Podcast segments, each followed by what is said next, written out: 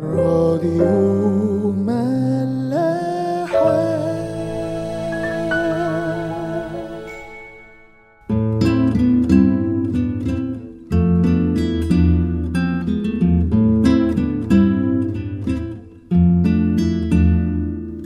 مساء الخير أهلا بيكم في حلقة جديدة من عيش وملح. يوم التلات قرب على الانتهاء.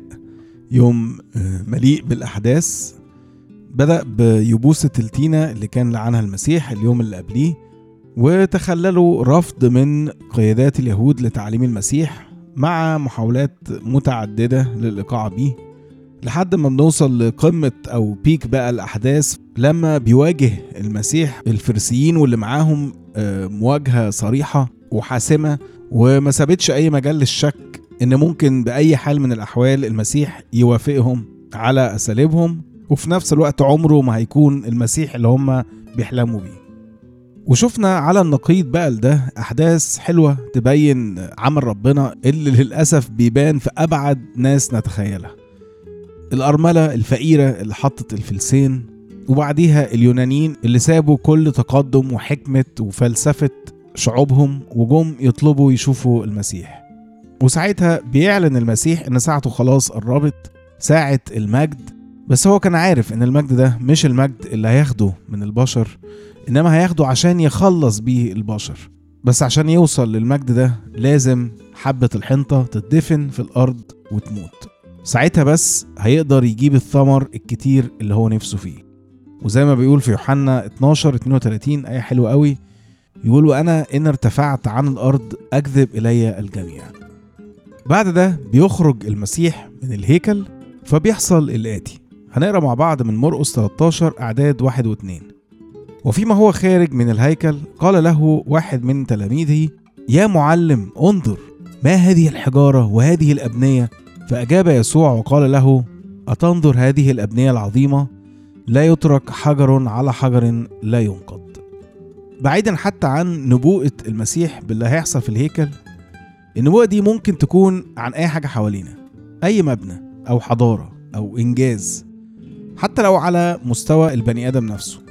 مهم قوي نفتكر إن كل ده برضه هينقض. أي جمال أو ثبات أو عظمة كله بيجي له يوم وينتهي ويتحلل ويبقى تراب. حد يقول يا سلام وانت أضفت إيه؟ ما إحنا عارفين إن كله زايل ومدايم إلا وجه الله وكل الكلام ده. أيوه ما هو مع إننا عارفين ده بس كتير قوي بنتسحل ونتثبت من جمال الأشياء. ونتمنى نعمل زيها أو تكون عندنا بدون ما نفتكر إن كل اللي اتعمل ده في حد ذاته مش مهم. المهم اتعمل ليه وإزاي. وإن لو ربنا عايزنا نعمل في الأرض فالغرض في الأول وفي الآخر إننا نتعرف عليه أكتر ونتقرب منه عشان اللي بعد كده. بس في الحقيقة مش ده بس اللي أنا كنت عايز أقوله. المبهر بقى واللي بيثبتني أنا شخصيا هو إن المسيح يوم ما اتنبأ على دمار أو زوال حاجة ما كانش المباني قصور أغنياء أو حكام أو حتى محتلين ظلمة إنما للهيكل. الهيكل اللي اتبنى بربنا والربنا المسيح ابن ربنا بيتنبأ عليه بالدمار والزوال. طب إزاي ربنا ما يحميهوش؟ وإزاي ده يكون مصيره؟ حد هيقول يعني إيه السذاجة دي؟ ما هو أكيد عشان يمهد لفكرة إن ربنا ما بقاش حكر على اليهود وبس إنما للعالم كله. فبالتالي الهيكل ده وهو بيمثل اليهودية ما بقاش ليه معنى. ماشي صح. والمسيح كان مهد لده في كلامه كمان مع السامرية لو نفتكر. لما سألته المفروض نسجد أو يعني نصلي فين إحنا أبائنا صلوا في الجبل ده وأنتوا أو يعني اليهود بيقولوا لازم نسجد في الهيكل.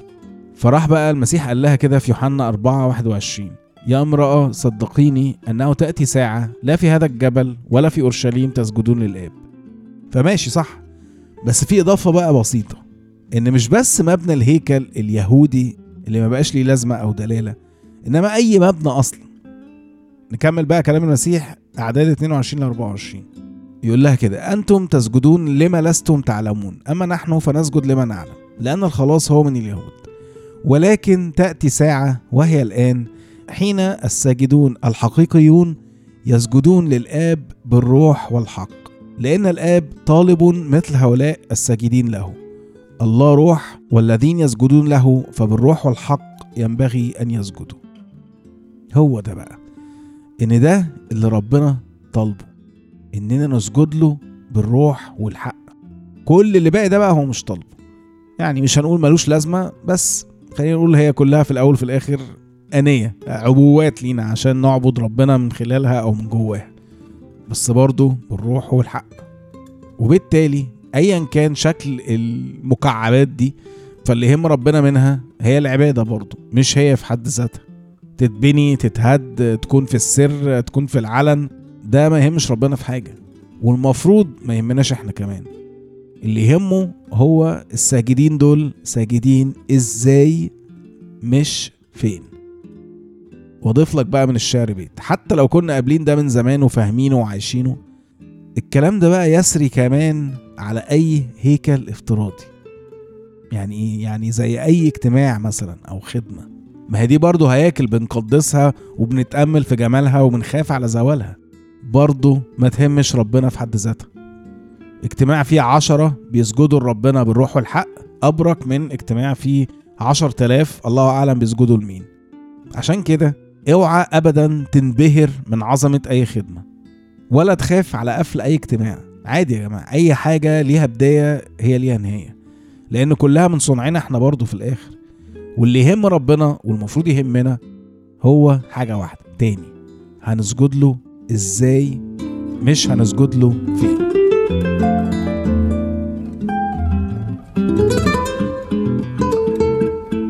راديو ملاح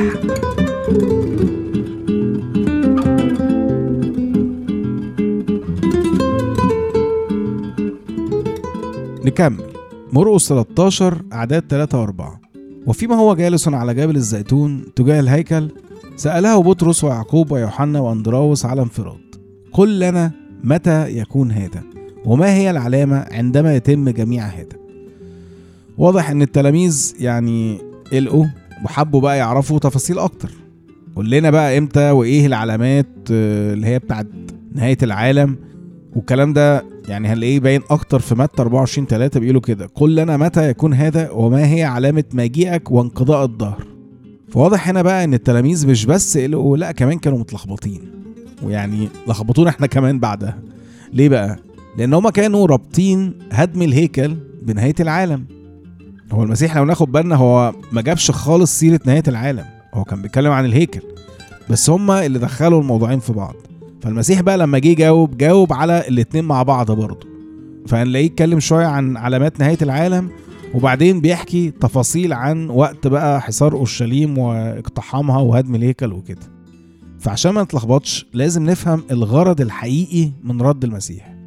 زي ما حصل بقى في كتير من أسئلة الناس ليه. لما السؤال بيبقى غلط الجواب بتاع المسيح بيصلحه بيصلح العقلية أو ال mindset بتاع اللي سأل. فهو كأنه بيقول لهم يهمكم في إيه إمتى وإيه العلامات؟ ما أنت ممكن تموت قبلها. أنت يهمك برضو هتعمل إيه في الوقت ده لما يجيلك فنلاقي بقى المسيح بيديهم جوه كلامه تعليمات أو توجيهات لاجتياز المرحلة دي.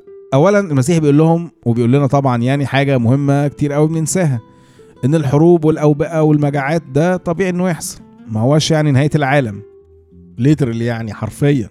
بالعكس ده بيقولوا عليه مبتدأ الأوجاع. فعادي سيبكم من دي. اللي على كلامه بقى المفروض يهمهم ويهم كتير مننا لحد النهارده هو إنه المؤمنين باسم يسوع هيتسلموا للعذاب ويمكن للقتل. ومش بس كده الأوحش إن اللي هيسلمهم ده هيكون أقرب الناس ليهم. الأخ هيسلم أخوه والأب ابنه والأولاد هيقوموا على أهاليهم وهكذا. بس في وسط كل ده بيديهم أول هايلايت أو يعني بيضرب كشاف على حاجة معينة. بيقول كده في مرقس 13 11 فمتى ساقوكم ليسلموكم؟ فلا تعتنوا من قبل بما تتكلمون ولا تهتموا بل مهما أعطيتم في تلك الساعة فبذلك تكلموا لأن لستم أنتم المتكلمين بل الروح القدس. فيعني حتى لو اتسلمتوا لمين؟ واللي سلمكم ده مين؟ بس أنا مش ممكن هسلمكم. لا ده أنا هديكوا الروح بتاعي أنا يرد بالنيابة عنكم قصاد كل اللي هيهاجموكم. الهايلايت التاني بقى هو علامات نهاية العالم. ومجيء المسيح وإزاي إنه مش هيكون متوقع ابدا. لا بالعكس. فهنلاقي بقى في متى 24 أعداد 42 ل 44 بيقول لهم كده. اسهروا اذا لأنكم لا تعلمون في اية ساعة يأتي ربكم. واعلموا هذا إنه لو عرف رب البيت في أي هزيع يأتي السارق لسهر ولم يدع بيته ينقب. لذلك كونوا أنتم أيضا مستعدين لأنه في ساعة لا تظنون يأتي ابن الإنسان. ودي بقى الحاجة التانية الأساسية اللي المسيح غير فيها العقلية أو ال mind set بتاع التلاميذ. إنه مفيش علامات يا جماعة مفيش حاجة تستنوها. بالعكس ده أنتوا لازم تبقوا على طول سهرانين فايقين عشان المجيء التاني ده هيكون في آخر وقت تتوقعوه. ويعني لو حابين تعرفوا أكتر عن موضوع الأيام الأخيرة ده كان في حلقة اتكلمنا فيها كتير عن الموضوع ده حلقة 122 اللي هي بتاعت أين يا رب.